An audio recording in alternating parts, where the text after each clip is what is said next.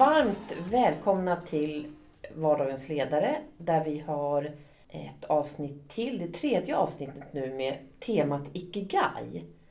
Och jag har ju den stora förmånen att få ha dig Karin Hägglund som gäst i det här temat. Och det är ju du som kan det här med Ikigai och, och styr oss här och lär oss. Välkommen Karin! Tack så mycket och tack så jättemycket för att jag får göra den här serien Mm. tillsammans med dig. Och jag tänker att vi utforskar det här lite tillsammans. Ja, det känns lite så. Ja, Jag tycker att det är väldigt, väldigt spännande. Och vet du vad Karin? Jag är så himla... Alltså jag har lyssnat på förra avsnittet två gånger nu. jag, jag tycker det här med self-compassion, jag kommer läsa mer om det. Jag Vad tycker det är otroligt roligt. spännande. Ikigai, jag har pratat... Vad lustigt är det här med, med när man börjar bli intresserad av någonting. Och helt plötsligt träffar man på människor som känner till det här. som man aldrig har tänkt på förut. ja. Eh, Så jag har faktiskt nämnt Ikigai för lite personer. Helt plötsligt så vet jättemånga om eh, Japan och kulturer och Ikigai. Är inte det Ja. lite spännande? det är ju superspännande. Och det har faktiskt varit... Eh, jag hänger ju ibland en del på LinkedIn och Instagram och så. Och det delas ju lite här och där. Mm. Ikigai, vad, vad är det och vad betyder det för oss? Ja, varför Men- har det blivit så trendigt nu? Vad Ja. handlar det om tro? Jag tror egentligen det grundläggande budskapet som handlar om att vi behöver någon typ av mening och passion i vårt liv och en anledning att stiga upp ur sängen på morgonen. Eh, som inte känns som ett måste. Att det, är, det skapar mycket mer vitalitet i livet. Det tror jag är ganska allmänmänskligt. Mm. Om vi kallar det eh, mening eller mål eller värdering eller ikigai. Men sen så tror jag ju att vi ofta gillar det här lite österländska och att det finns en större filosofi bakom. Och så. Jag, jag tror det. Jag tror Eller så är jag lite färgad av min karatebakgrund, att jag älskar Japan. Men Ja, men så kan det absolut. Det är väl koppling till det också. Men jag tror också att det handlar väldigt mycket om det här med att vi måste hitta den här meningen. ja, Eller hur? Det är klart att meningen med livet har väl hur många filosofer som helst försökt eh, ja, eh, och det, det är kanske titta på, just men- det att det här behöver man inte ha den där stora pressen på meningen med livet utan meningen med mitt liv. Och meningen varför jag går upp. Ja, vad- och vad det är som lite driver- skillnad för det är ju en väldigt stor fråga att reda ut varför vi, vi lever. Och jag tror ju också att det har att göra med kanske just nu i Sverige att eh, om man skulle liksom rita upp alla världens länder och så tittar man på vilka som är individualiserade eller om man har liksom familjevärderingar eller om man är sekulariserad eller religiös så ligger ju Sverige liksom i topp på att vara individualiserat och sekulärt. Och då tror jag än med att man behöver någonting att hålla sig i. Eh, för att så här, vi behöver det i våra liv för att må bra Mm. eh, som människor. Vi behöver också en gemenskap med andra människor. Utifrån det så tror jag att vi är kanske också lite sökande.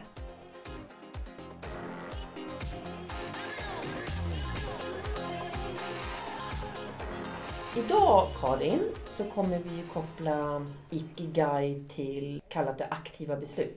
Hur kopplar vi ihop det här med Ikigai? Ja, när vi pratade om det här lite innan så var det ju här också att om vi hittar saker som vi tycker är kul och spännande i livet och vill göra mer av så kan det ju också handla om att man ibland måste skapa utrymme för det och se att ja, men det här vill jag göra och vilka beslut behöver jag då ta för att jag ska ha utrymme att göra de sakerna. Och inte fastna i den här fällan av att jag måste, jag måste, jag måste, jag måste göra en massa saker. Eller att så här, när jag väl har kommit dit, eller när jag väl har klarat av det där, då får jag göra de där sakerna som jag verkligen vill. Och det är lite av en fälla. I och med att vi vet ju faktiskt inte riktigt vad livet kommer att ge oss. Så att sätta allting på vänt för att vi hela tiden ska klara av något annat eller göra måsten. Då tror jag att vi måste liksom vända lite på det där och titta på vilka beslut tar jag i mitt liv. Jag tänker också på det här med att ta aktiva beslut. Att bara, stanna, bara komma så långt. För det, jag tycker att man har kommit långt om man eh, tänker att nu ska jag ta beslut hur jag vill göra. Eller hur? Då, Ja. då har vi kommit långt. Eh, för jag tror att det är många som inte tänker så. Utan man, man har ju bara sitt eh, liv och sin vardag. Man, man jobbar på liksom. Ja, och du sa ju lite det magiska ordet i den där tidigare meningen. Ja, Jag vill göra det här. Ja men... eh, Jag vill. Det är väldigt det. stor skillnad från jag måste. Ja, att byta ut det här Ja. eh, måstena ja. Jag tror att inte jag är ensam. Komma på mig själv med hur jag påverkas av vad andra tycker. Ja, Att faktiskt, jag kan komma på mig själv ibland att är det jag verkligen som har tagit det här beslutet? just det. Utan jag blir så påverkad utifrån av alla, vad alla andra tycker, ska tycka. Ja, och det är inte heller konstigt i och med att vi är människor som söker gemenskap och vill vara en del av en grupp så vill vi också på något sätt passa in. Nu i dagsläget så är inte det riktigt alltid för vår överlevnad. Och vi har ju helt andra möjligheter att byta tribe om vi vill, eh, som man inte hade förut. Men det här Mm. att vi jämför oss, det är ju en, eh, det är en överlevnadsinstinkt från början. Och sen så är det väl bra, precis som du säger, att man är medveten om det. När är det faktiskt jag som tar ett beslut som jag vill göra? Eller när gör jag det för att passa in eller för att leva upp till någon annans förväntningar? Och det här är ju spännande för att oftast de besluten, och det tror inte jag jag är ensam om, är de som inte riktigt känns helt rätt senare. Och jag har inte samma uthållighet heller i dem för att det var inte min egen vilja och drivkraft som tog det här beslutet. Nej men precis. Man kan ju komma på sig, men varför gjorde jag det här? Alltså för vem gjorde jag det här egentligen? Ja men eller hur? Man Ja, har verkligen. gjort en del saker som man, eh, man tyckte att det var kul när man gjorde dem och man trivdes där och då. Men så tänker man till, var det här för att jag skulle få bekräftelse? Eller var det för att man ska göra så här? Ja. Jag kan ibland komma på mig själv att liksom, men gud det är inte jag som styr ibland. Nej, Det, Och jag tror att det är en viktig distinktion. Är det jag som styr eller inte? För det kan ju vara att så här, "Nej, men jag gör alla de här sakerna för de andra människorna jag vill hjälpa till. Utifrån att jag har tagit beslut om det. Inte för att så här, ja, nej men eh, jag, jag, jag måste ju vara den personen. Eller jag måste ju leva upp till det här. Utan att man vänder på det. Varför gör jag de här sakerna? Jo men det är för att jag vill till exempel kanske ta hand om eh, mina barn eller ta hand om mina föräldrar eller vad det än är. Mm. Att det inte är måsten. Mm. Jag tror, för om vi pratar om det här med att det förr var att man behövde höra till och man vill ju bidra till gruppen. Ja. Alltså, det är ju en vilja. Men just att det har varit en överlevnadsfaktor också. Ja, idag så kanske, ja, jag tänker mer, vilka är det som liksom lyckas egentligen idag? Det tänk, tänker jag, det är ju de som faktiskt vågar sluta lyssna på vad andra tycker och tänker.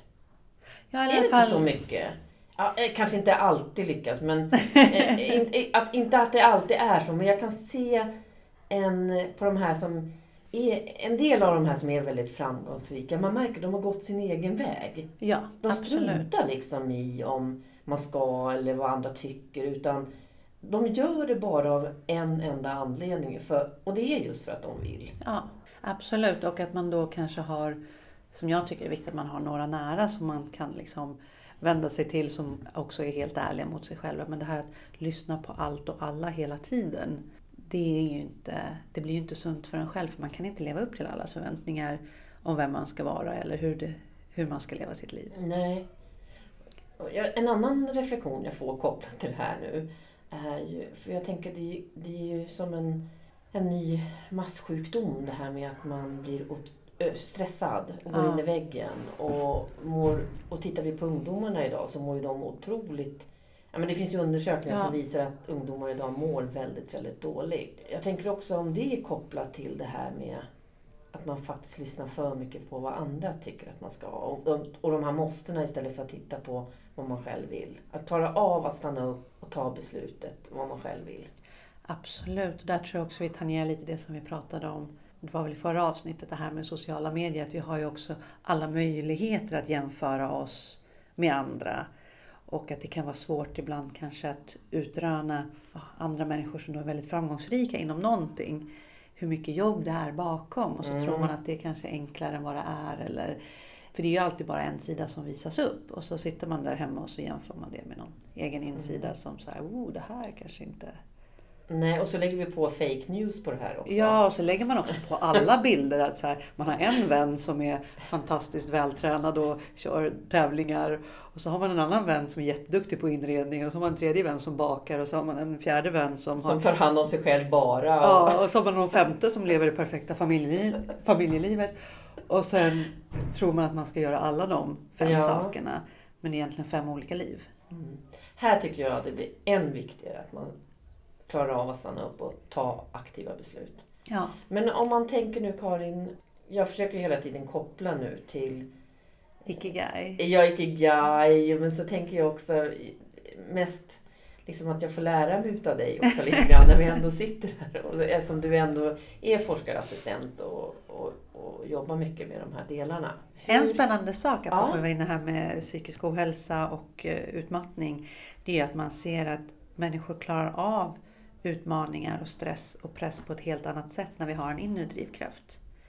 Eh, självbestämmande teorin eh, som är väldigt så här, utbredd motivationsteori. Inom många olika fält så är det ju en central del är ju att vi faktiskt när vi gör saker och vet varför och jag får känna liksom både en eh, frihet i att jag har valt det här själv, att jag får vara delaktig och att min kompetens tas om hand om och jag har tillit till dem och förtroende som jag jobbar med. Så klarar jag utmaningen på ett helt annat sätt. Mm. Och det är ju en väldigt spännande sak apropå att då jämför vi oss med andra och försöker leva upp till någonting på grund av yttre krav eller att jag vill ha yttre bekräftelse. Så kommer vi inte vara lika Må bra. Ja, man Eller- kommer inte att må lika bra, vi kommer inte ha samma motståndskraft om någonting inte går som vi vill. Just Däremot så här, nej men det här har jag ju valt, ja men då klarar jag av de här motgångarna lite mer för jag vill fortfarande göra det här. Mm. Och ordet vill igen. Ja, Jag vill fortfarande göra det här.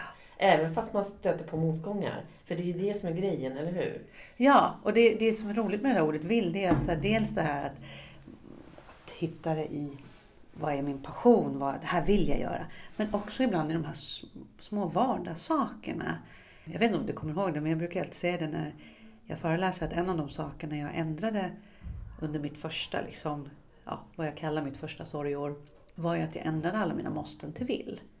Mm. Just för att det skapade kraft och mod där och då. Mm.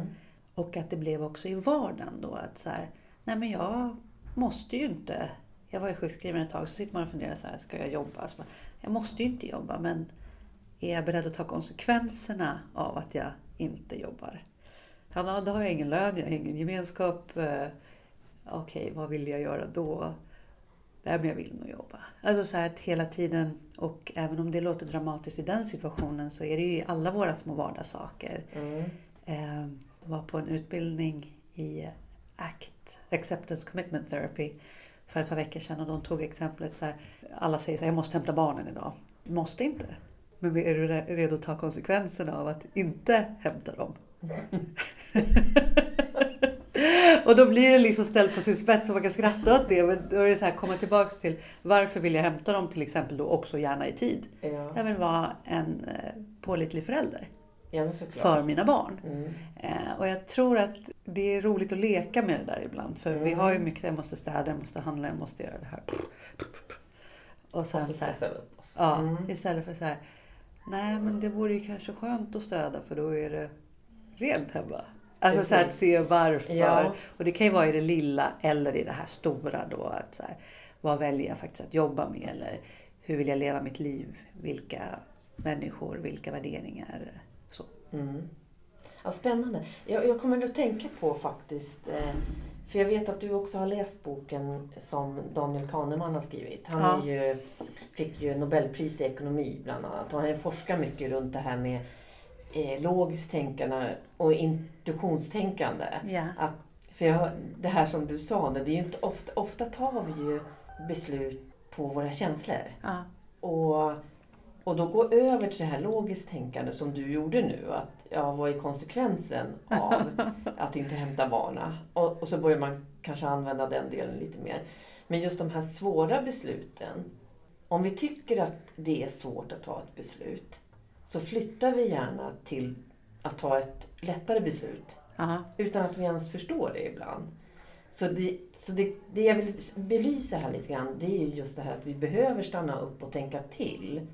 Att det inte bara säga, ja men jag känner för det här nu, nu vill jag det här. Utan Nej. vi behöver ju gå till det här konsekvenstänkande, just det här lo- logiska tänkande.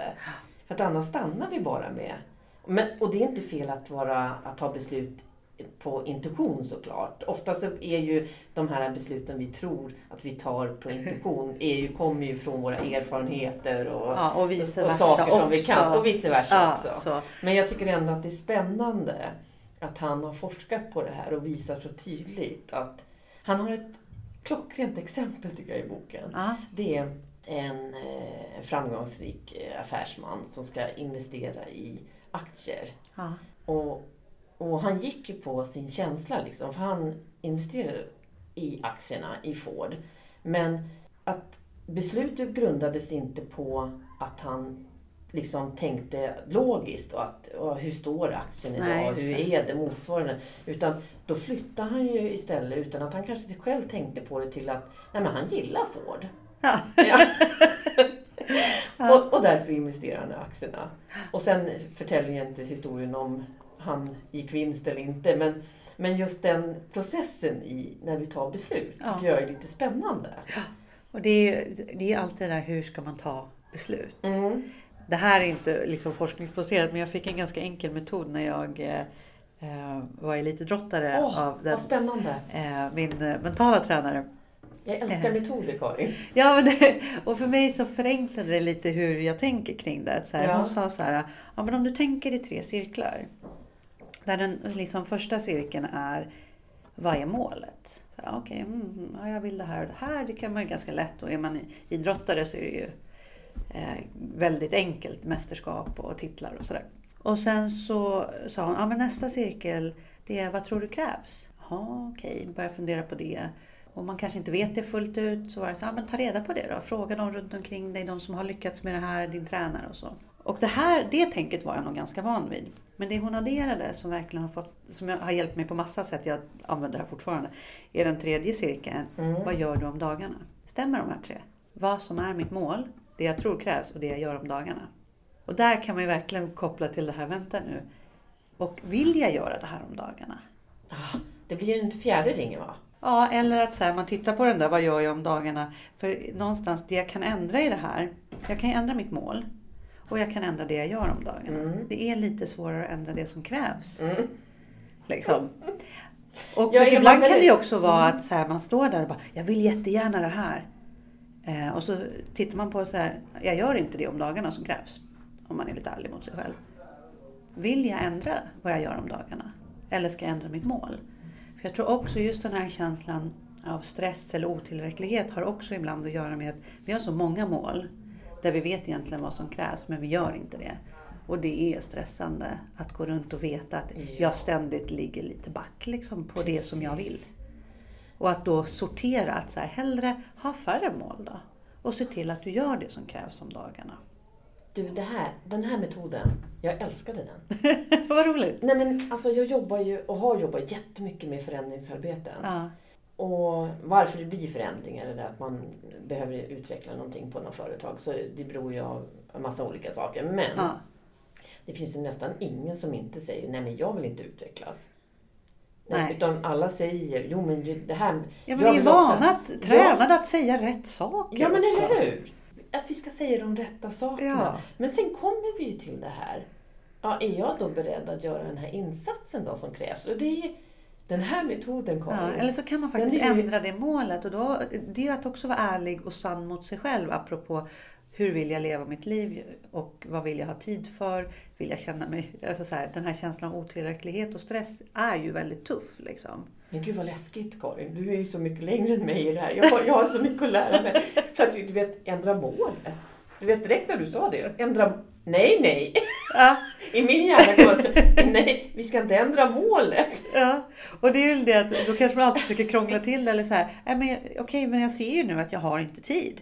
Då får jag kanske lägga det lite längre fram eller så får jag ta bort något annat. Apropå det här som vi pratade om. Ser man fem olika liv samtidigt eller ett liv? Och vad är liksom de viktigaste delarna? Vad är mina viktigaste värderingar? Vad är jag framför allt vill fylla min tid med apropå ik- ikigai? Mm. Varför vill jag gå upp de här dagarna? Vad är det viktigaste för mig? Ja, men det här var ju så bra metod. Målet.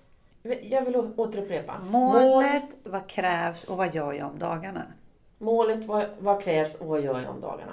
Och det här har jag ju behövt påminna mig om ganska ofta när jag i den här processen av att skriva en bok. Och särskilt eftersom det handlade, eller den handlar så mycket om min historia. Mm. Och eh, jag hade som så intention att så här, ska jag göra det här så ska det vara ganska ja, men brutalt, ärligt och naket hur det var. Jag ska inte gå in och fixa till det. Eller, för att det var ju sådana historier jag själv fick kraft av och det är det som jag vill ge tillbaka. Och det är ju flera gånger jag har verkligen så här, varför håller jag på med det här? Eh, vill jag verkligen hålla på med det här om dagarna? Eh, ibland så har jag sagt nej och så har jag låtit det ligga och sen kommer tillbaks till manuset för att så här, jo men jag vill fortfarande det här. Det som krävs är ju att jag sätter mig ner och gör klart det. Mm. Men du behövde ta Ja, du behövde ibland- titta på, dem, på den här metoden, på, Ja. liksom påminna dig Påminna om mig så här, vad, vad, vad vill mål, jag? Ja, och vad vill jag göra om dagarna? Ibland, jo jag vill sitta och jobba med det här och ibland har det varit tufft och jobbigt och jag har tvivlat på om det är bra eller inte. Och sen kommer tillbaks till, men nej jag vill fortfarande Mm. ge tillbaks till, i och med att det var det som jag framförallt fick kraft av att läsa andra människors riktiga berättelser om hur döden drabbar livet. Att då få bidra med den kraften som jag själv Mm. upplevde av att bara få känna igen mig. För det är det du vill bidra med i den här Ja. boken. Att man får känna igen Mm. sig och eh, både liksom upplevelsen av ångest och stress och sorg. Men också att det är möjligt att må bra igen. För det Mm. tänker jag också är viktigt. I den här tiden när psykisk ohälsa ökar så är det också viktigt att se att det går att må bra igen. Det är inte det enklaste och det går inte jättefort. Och jag kan väl säga att nu har det gått över fem år. Nu är jag redo att berätta min Mm. historia så ärligt. Men det har verkligen krävts ibland att titta på, vänta nu, vad vill jag göra? Och ibland så har det varit, nej jag tänker inte göra det här. Och så har jag kommit tillbaka till, jo det här vill jag göra. Och då krävs det att jag gör, skriver klart och Mm. vågar. Ja. Jag är så glad att du har skrivit den här boken. Och jag längtar efter att få läsa den. Jag är lite avundsjuk nu på min dotter som får korrekturläsa den. Ja. Och hon kom ju faktiskt in idag och sa just det att hon, hon har inte varit med om det här och hon måste ändå stanna till ibland när hon läser den. Alltså hon var jätteärlig i det. ja. Mm. Så jag, åh, jag vill verkligen läsa den där. Mm. Vad roligt att höra. Ja, jag tror att du har jättemycket att bidra med när det gäller de delarna. Och jag tror att det är många som eh, kommer att ha nytta av att läsa din bok. Det är jag helt övertygad om. Det låter som det här som är en sån här reklamjingel här, men det är inte det. Du kommer bara in på det. Men Ja. jag, jag är glad för att du berättar hur du har tänkt.